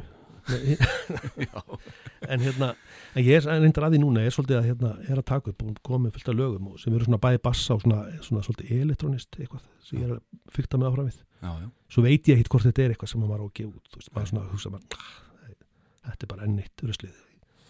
Hver veitnum og syngir aftur? Ég get gert það, já. Ég get gert það sko. en þú varst nú eitthvað að fykta við kontrabassaðana líka ekki? Svona aðeins, ég hef alltaf hérna, ekkit alltaf, ég hef svona gegnum tíðina stundum ég átti einu svona kontrabassa, ég er með kontrabassa núna heima ok, sem að hérna, hann ánú hann gummi trommari og kokkur. Nú, þetta er bassi sem pappans átti. Já, já, ok. Og hérna, hann baði með að geima hann. Og ég gríp oft í hann sko. Ég bara hef ekki þól og ég hef aldrei verið þólum að æfa mig sko. Á hljófari, rétt fyrst en kontrabassin er svo allt annað hljófari sko. Já, já, það er er erfitt til maður er búin að venjast einu að færa sig yfir á kontran og ná einhverju tökum heldur betur maður. Fóstu í eitthvað nám? Ég fór í hérna fór tvo vetur í FIH sko þegar ég var búin að vera að spila í veist, tíu ára eitthvað. Já. þá langaði mér bara svona að bæta eins við mig. Mhm. og hérna, hann þú lest nótur nei, nei, Nei. ég lærði það vissu þarna, en ég lærði líka dönsku í grunnskóla, en ég tala ekki ég, ég lærði eitthvað að lesa sko og hérna en mér langaði bara svona, veist, ég lærði hljó, fullt af svona hljómfræði og, og fór að spila jazz og, og hérna svo bara einhvern veginn, eins og með svo margt ég fæði stundum einhvern áhuga á einhverju, fæði rosa dellu fyrir því. Já. og þarna ætlaði ég að vera Jakob Pastorius. En svo bara allt í raun ennið ekki lengur. Og það var svolítið þannig með jazzin sko. ég, ég fann að ég réði ekkert alveg við þetta og, og hérna þá bara best að halda sig við það sem maður kann. Jacob Bistarius er hann eh, svona í háðum háðurhöður já, Já. Hann, er, hann er svona eina fyrstu plötunum sem ég egnaðist var soloplata með honum. Já, og hérna og mér finnst hann, eða hann var æðislegur sko, ég bara mér finnst engin bassaleikari hafa toppað hann sko og, og, og ég hlusta á veður í Porto og þetta dót sko, sem finnst þetta klísi að segja þetta sko, Diago Pastoris hann er bara, en hann er bara hann er svona Jimi Hendrix bassalegarana, já, einmitt.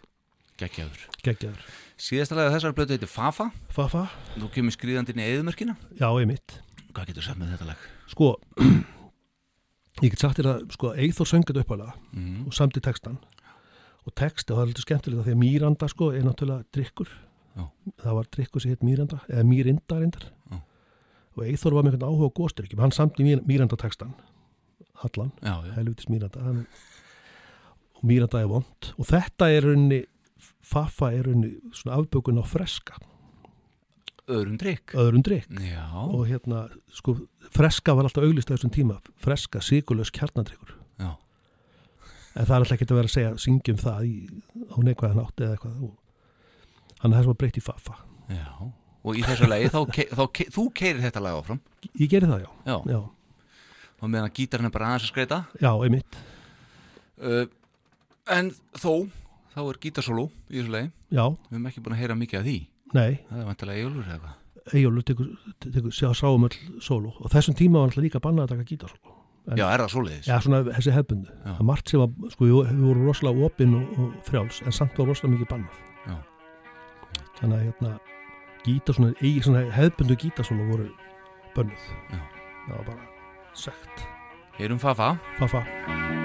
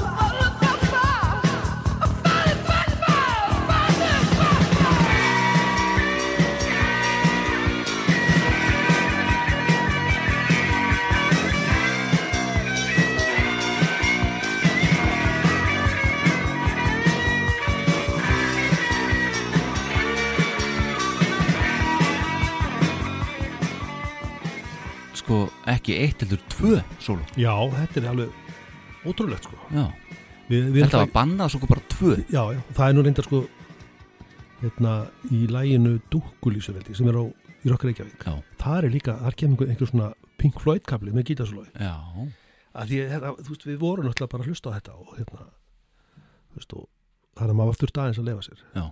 Þetta er bara samt lögbrot sko. Eitt sem við erum ekki farið í það er ferð sem þið fóruð til Norex Já, rockmótur us Já, Já, það var hver hátíð. Þetta var hátíð, þetta var svona samnorræn hérna, tónleikaháttíð Já. og hérna við fórum að við um æskulisráðs rauninni, eða þú veist, það var gegnum æskulisráð sem að var valið.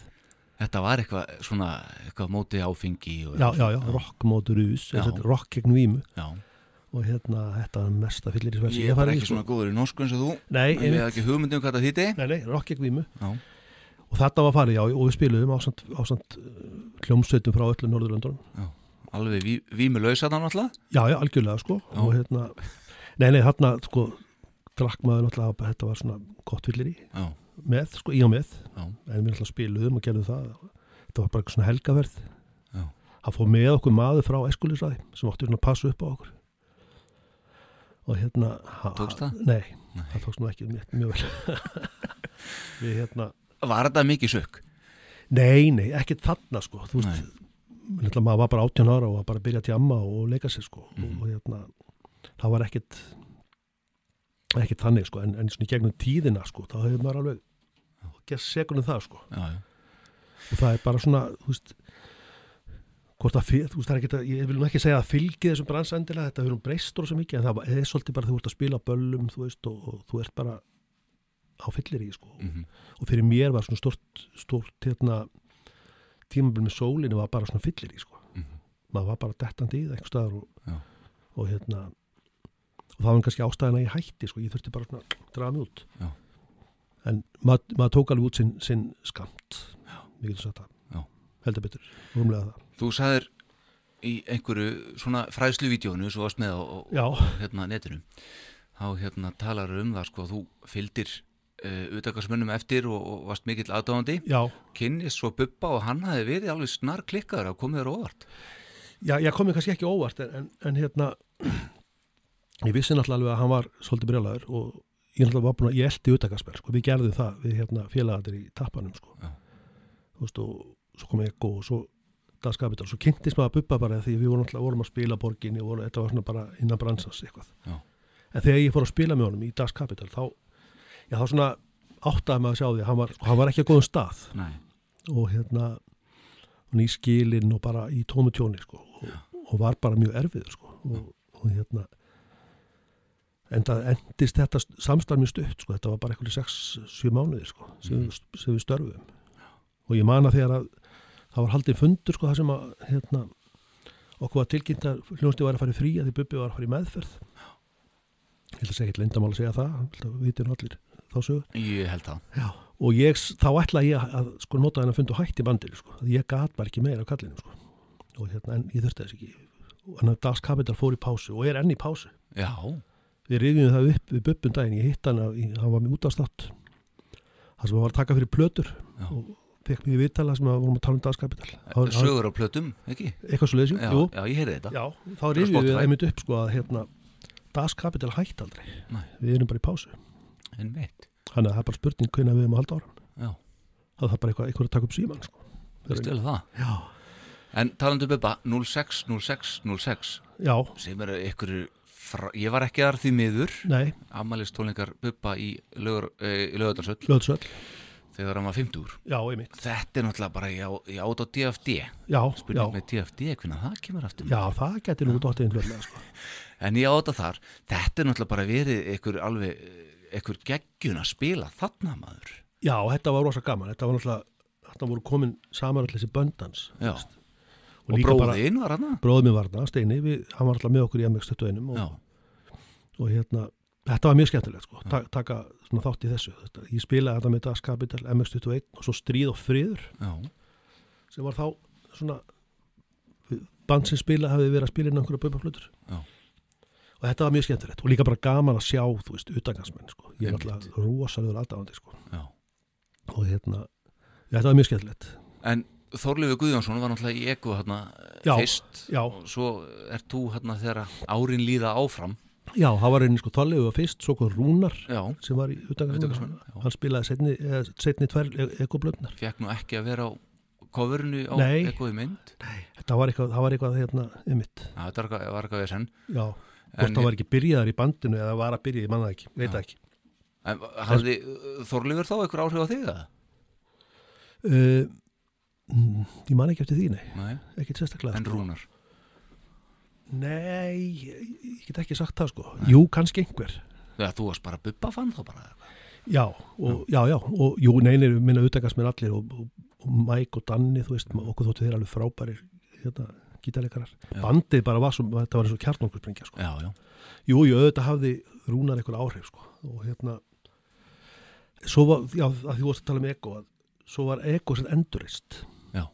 2004 held ég já, einmitt Ég ætlaði að koma þessu og, þú varst að koma líka.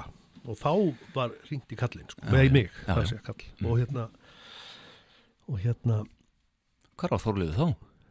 Þorleifur bjó nefnilega á Östfjörðum ekstar. Og þetta var Og eitthvað núna á vestfjörðum held ég? Já, já, ekstar, Þingeyri. einhverjum útnára. Já, já, já, ekki þeim sem það, hann er bara einhver staðar sko. Ég, ég hitt hann um daginn sko, ég man ekki hvað hann sagðist búa. Bara einhver staðar hérna. Já. þú veist, e- ekki neinum bæ skilur, bara einhver staðar já þú meinar. Já, bara einhver staðar einhver, einhver býr bara einhverju fjalli sko, já, já. ég held að En það var hringt í þig? Já, það var eitthvað mig og hérna og, já, já, og við komum saman og það var æðislegt. Mhm. Og hérna gaman. Og gaman að spila þessi lög því að hérna maður hafði nú spilað mörg þeirra áður sko. Já. en hérna það var bara skemmtilegt, alltaf gaman að spila með bubba sko. Já. Er alltaf já gaman að spila fjöllna á vakað? já, já, Já.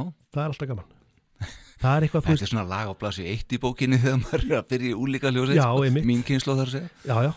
Það, hérna það er, þú veist, bara þegar þetta gítar riff byrjar, þú veist, þá verður allt villast einhvern veginn Það er það bara bara power í þessu lægi og það er bara gaman að spila það, sko. Já, geggjað. Já, Herðu, uh, þá skulum við segja skilið við biti fast í vitið. Já, En ég ætla, maður sjá platana þetta út af Ég ætla að láta það hafa hérna penna. Já. Nú ert þú að fara að gera þessa plötu verðmetari já, já, að skrifa framan á það aftana Framan á það sjálfsög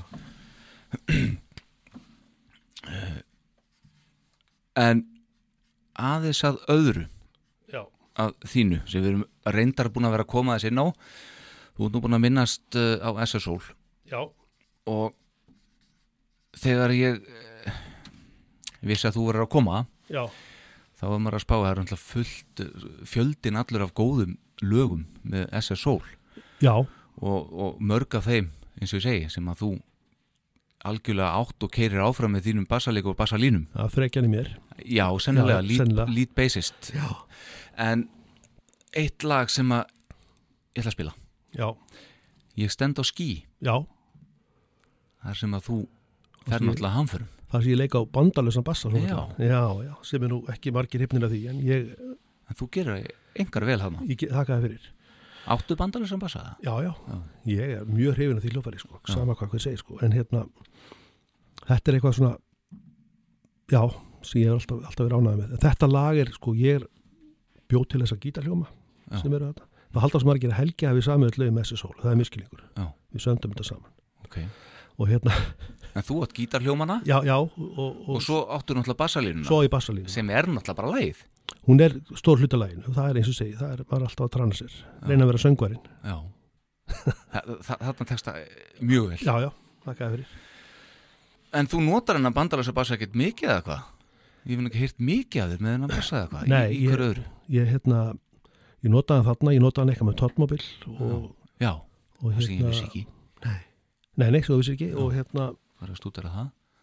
Jú, ég og eitthvað með bubba Já. og einhverju blötu og svona öðru hverju, svo hefur verið að minka bara með árunum sko, því það er einhvern veginn enginn sem vill þetta sko.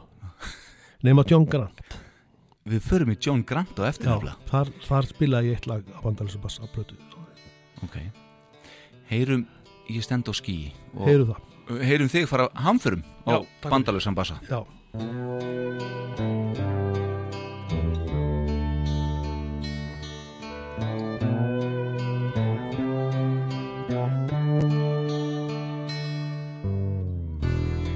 Einn morgun vakna ég snemma.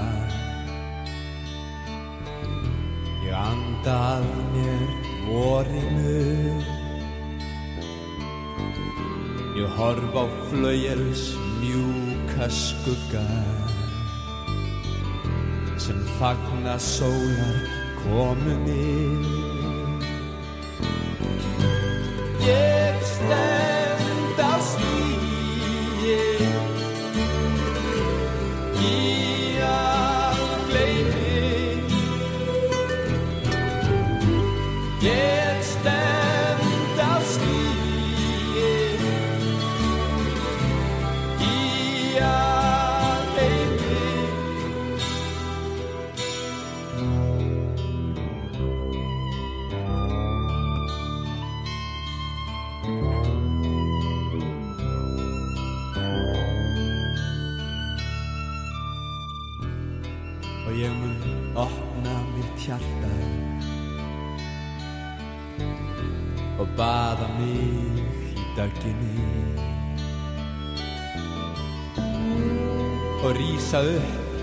sem nýr maður. Ó, ég hef fundið sjálfa mig. Ég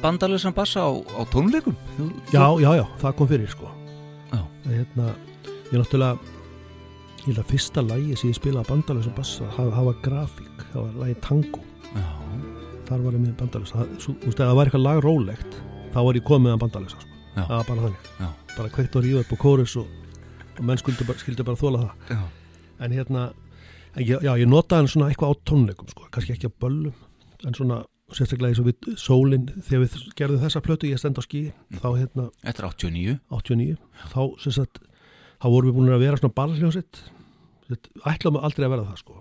Nei. við vorum bara búa til okkar músík og spiluðum á tónleikum og spiluðum svolítið í skólum skólatón, svona á tónleikum sko. Mhm. svo einhvern tíman eftir eitthvað skóla einhverja tónleikana það var bara aðgræni sem minn. Þá vorum við beðnir að spila á einhverju skólaballi og það var aldrei að haldi fundur og veist, er þetta eitthvað sem við viljum gera? Og, og við ákvaðum að gefa því sens og tókum þann vetur og spiluðum svolítið á böllum og svo kom sumarið. Og þá var sest niður aftur og, og þú veist, allir við að fara að taka sveitaböll? Nei. Og þá kom þessi hugmynd að fara ringinu kringu landið taka einn mánuð í það. Já. svona akústik bara unplugged eða hvað við maður kalla það. Og sömdum þessa plötur einu mestu leiti fyrir þann túr. Já. og þá tók ég þann bandalisa með mér. Og hann fær að vera með svona hátilegum stundum Já.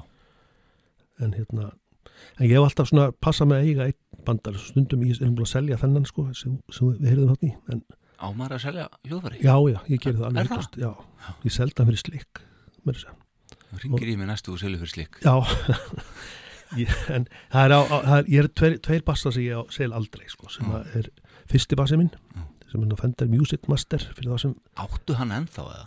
já, Bara fyrsta bassar? fyrsta bassan bara svona sjortskell Já, og svo á ég hérna G&L sem ég notaði alveg bara frá tappanum og fram í þessi sól, öllu sem ég spilaði sko. ég hef nú segið með Ríkjubakka líka. Já, svo er ég megar Já, það er svona tappapassin í dag. Já, einmitt. Og hérna, já. Svo er maður, jú, jú, verið með einhverja fendera og svona. Já, já, og, en hérna, já. en jú, jú, ég hef, sko, þessi tveir bassar í sér það ekki, en, en hérna allt annað þetta bara svona Já. kemur og fer. John Grant. John Grant, Hvernig kom það til? Hann kemur nú hérna og spilar á erfið segi ég þekki þetta rétt Já, og, og já. bara fór ekkert. Nei, eiginlega, hann má eiginlega segja það sko. Já, talandi um Íslands vini, já, hann bara setti stað Íslands besti vinnur já, hann er besti vinnur Íslands. Hann, já, kom á RVFs og þá var hann búin að gefa út plötuna Queen of Denmark. Mhm. og hérna ég var mikill aðdáðandi, ég heyrði þá plötu. Ég man hvar ég var þegar ég heyrði sko titilæð, ég var að keira miklubrautinni Já, hjá, hérna klabrátunni bara hækka bara hvað er þetta og hérna gifti plötun og bara fjall fyrir henni og svo kom það til Íslands já og hérna helt tónleika fór reyndar heim að tónleikunum loknum Nú, já, og kom já. aftur Já. tónleikanda voru hvað, erfið sér hvað, oktober, november Já. svo kom hann aftur eftir áramótin Mhm. og byrjar að vinna þessar aðra plötu sína með bygga veiru Mhm. og hérna og þessum tíma uh, þá var hljóms, þátturinn hljómskálin Já, einmitt. Og hérna það var haft samband við sagt, okkur í sólinni að Helga og það, það var, þeir vildu fá só, sólina og Helga sagt, að til að syngja duett með einhverjum. Mhm. og þá kom upp hugmynd að fá John. Og þetta var, ég man eftir þess að við vorum á Akureyri, við vorum að spila þar og, og með okkur var hérna hann Steppi úr Guðskus sem var. Já, og hérna og hann er með númeri hjá John og ringi bara í hann þetta er bara svona að vera ræð, heyrðu ekki bara tekka á John ég, heyrðu, ég ringi í hann og hann ringir í hann og hann er bara til í þetta. Og við gerðum hann eitthvað lag fyrir hljómskála þetta var nú vinsætt lag.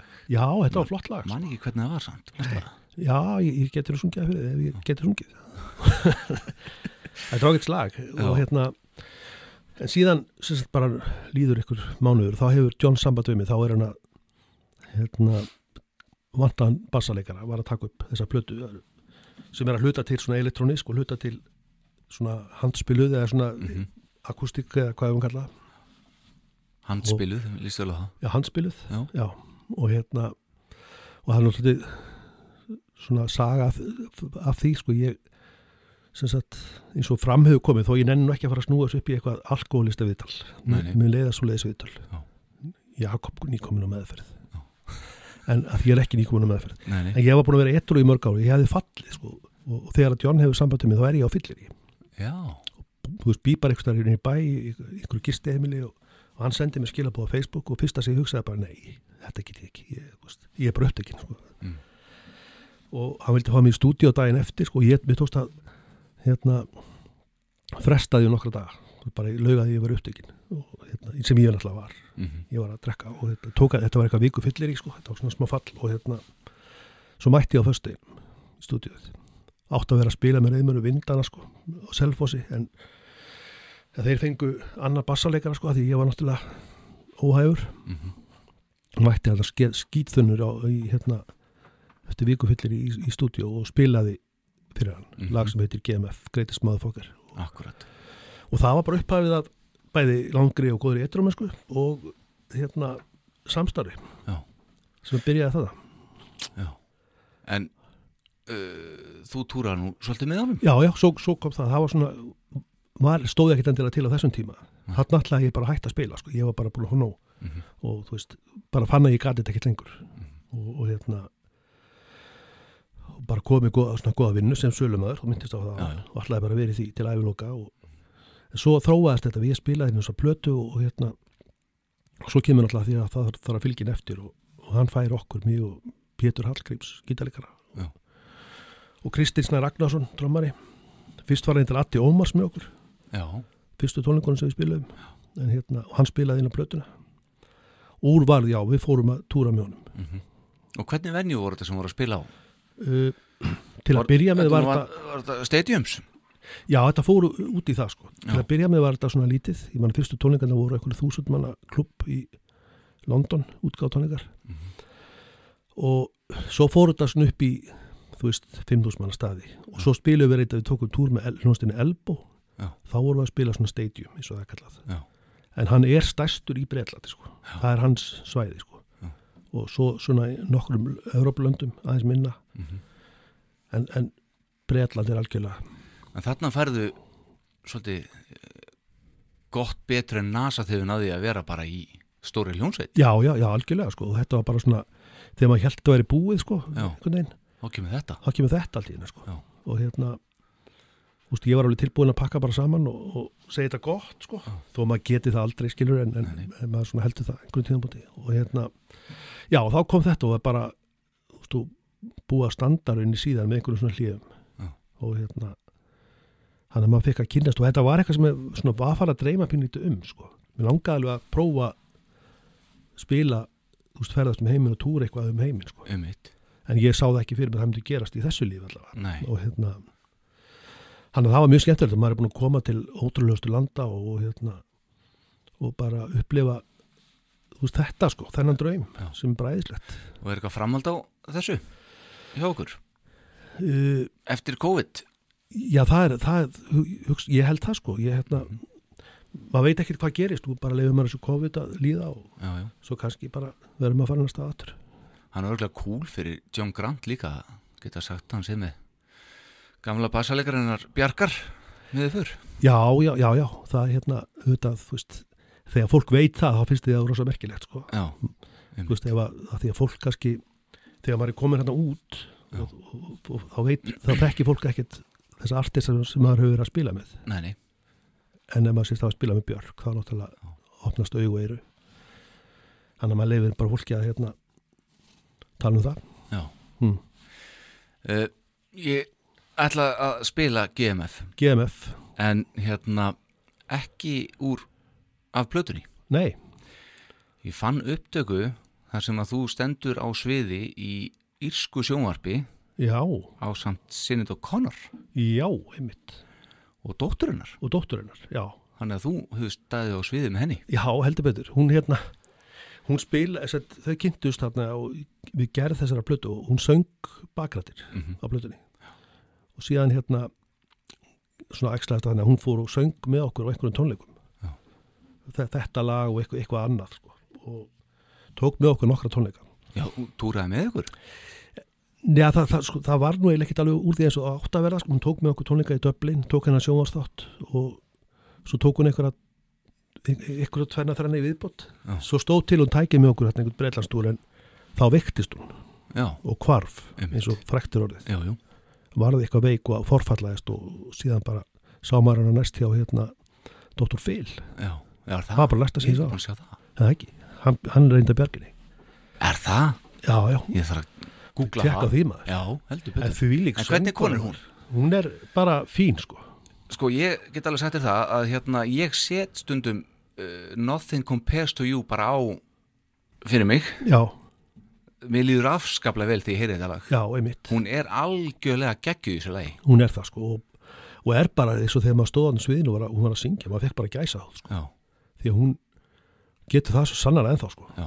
syngur alveg svo engill Sást hann í fríkirkjunni, er ekki ekki? Á Erfus? Nei, Ég fór þann þú gaman. varst langað, ég, ég mista því sko Frábært. Já, hún er, hún er rosaleg sko Ánum hættum, er einhverjar túrasögur úr John Grant ferðum? Ekkert sem að þolir- Nei, nei, það, sko, það þólir allt dagsljósið sko Já, þú komur að þann stað sko. Já, þannig eru hérna Þetta hefur verið annað við erum að tala um Europatúr tapa. Já, já, já, já, þessi sól sko það Já. hefði ekki Þetta er bara, þú veist, hérna svona menn á besta aldri Já, sem að hérna spila og svo fara þeir bara hver sína kóju já, í smá jóka og svo. Já, þess vegna sko Já. Og hérna, fá sér te Jú, það er nú alveg það er nú alveg haft áfengi um höndarna sko í rútunni sko það er alltaf krúið og svona einhverjir. Mm en hérna það er voða lítið svona sem er, er ég get ekki gefið út bókum þetta myndi engin lesa Nei, er þetta væri bara svona mættum þú veist, stilt var upp og eitthvað svona. Bötsi fekk sér te Já. og svona eitthvað, það er ekkit Á skalanum 1-10, já, hver heldur að líkuna séu á því að Tappi Tíkaras kemur fram á tónleikum og Björk með? Mm, ég held að það sé ef ekki segja svona þrýr Já, það er alveg þrýr hugsa það, Já, maður er aldrei að útiloka neitt sko. Nei. ég ætla að fyrst að segja einn já, en þú veist, það geti alltaf komið eitthvað upp veist, mér finnst það mjög ólíklegt. Já. En hérna, já, Glæsilegt. Jakob Smári Magnússon. Jú Takk kærlega fyrir að koma í Já. þátti minn leikvangavélina já, þakka þið fyrir, takk fyrir að bjóða mér. Ég ætla að vona að vera duglegur að hlusta. Já, Hlustar auðvitað þennan þátt ég, öðruglega sko. Já, einmitt. Heyrum núna uh, John Grant, GMF, Greatest Motherfucker og þú á bassanum og engin önnur heldur en Sind og Connor og dótturinnar í bakgröðum í úr ískum sjónvasætti já, Þetta er lokalæðið já, í þessum þetti takk fyrir það, Takk hérlega fyrir að koma. Takk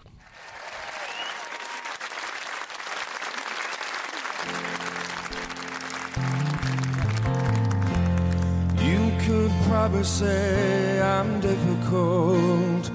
I probably talk too much.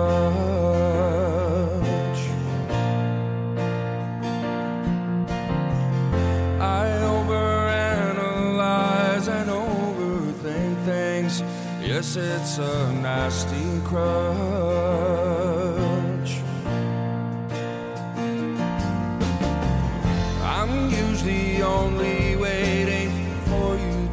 Stop talking so that I can.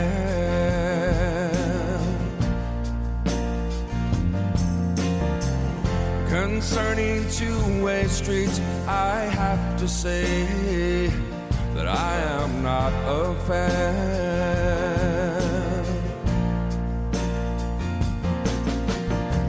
But I am the greatest motherfucker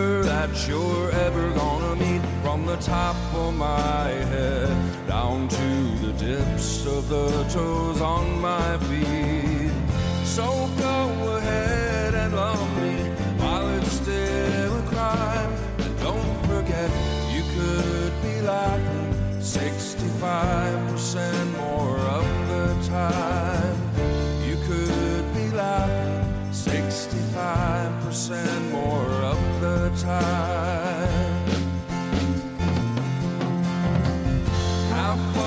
Time I think I'm in some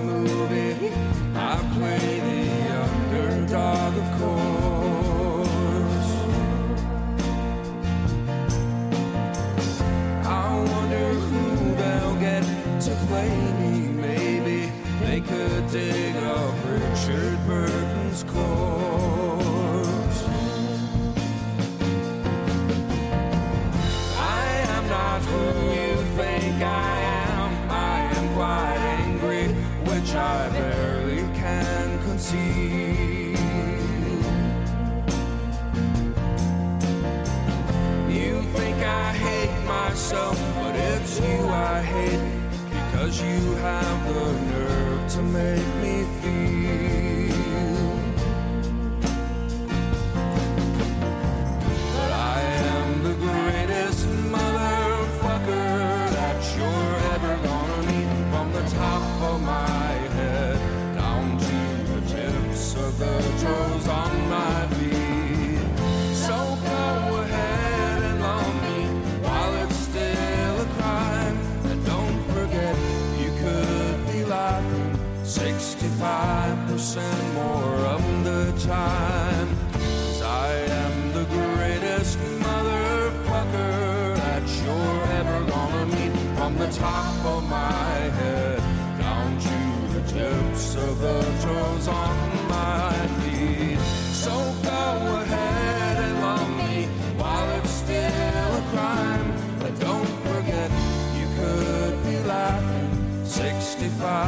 65% more of the time. You could be laughing 63% more of the time. You could be laughing 25% more of the time.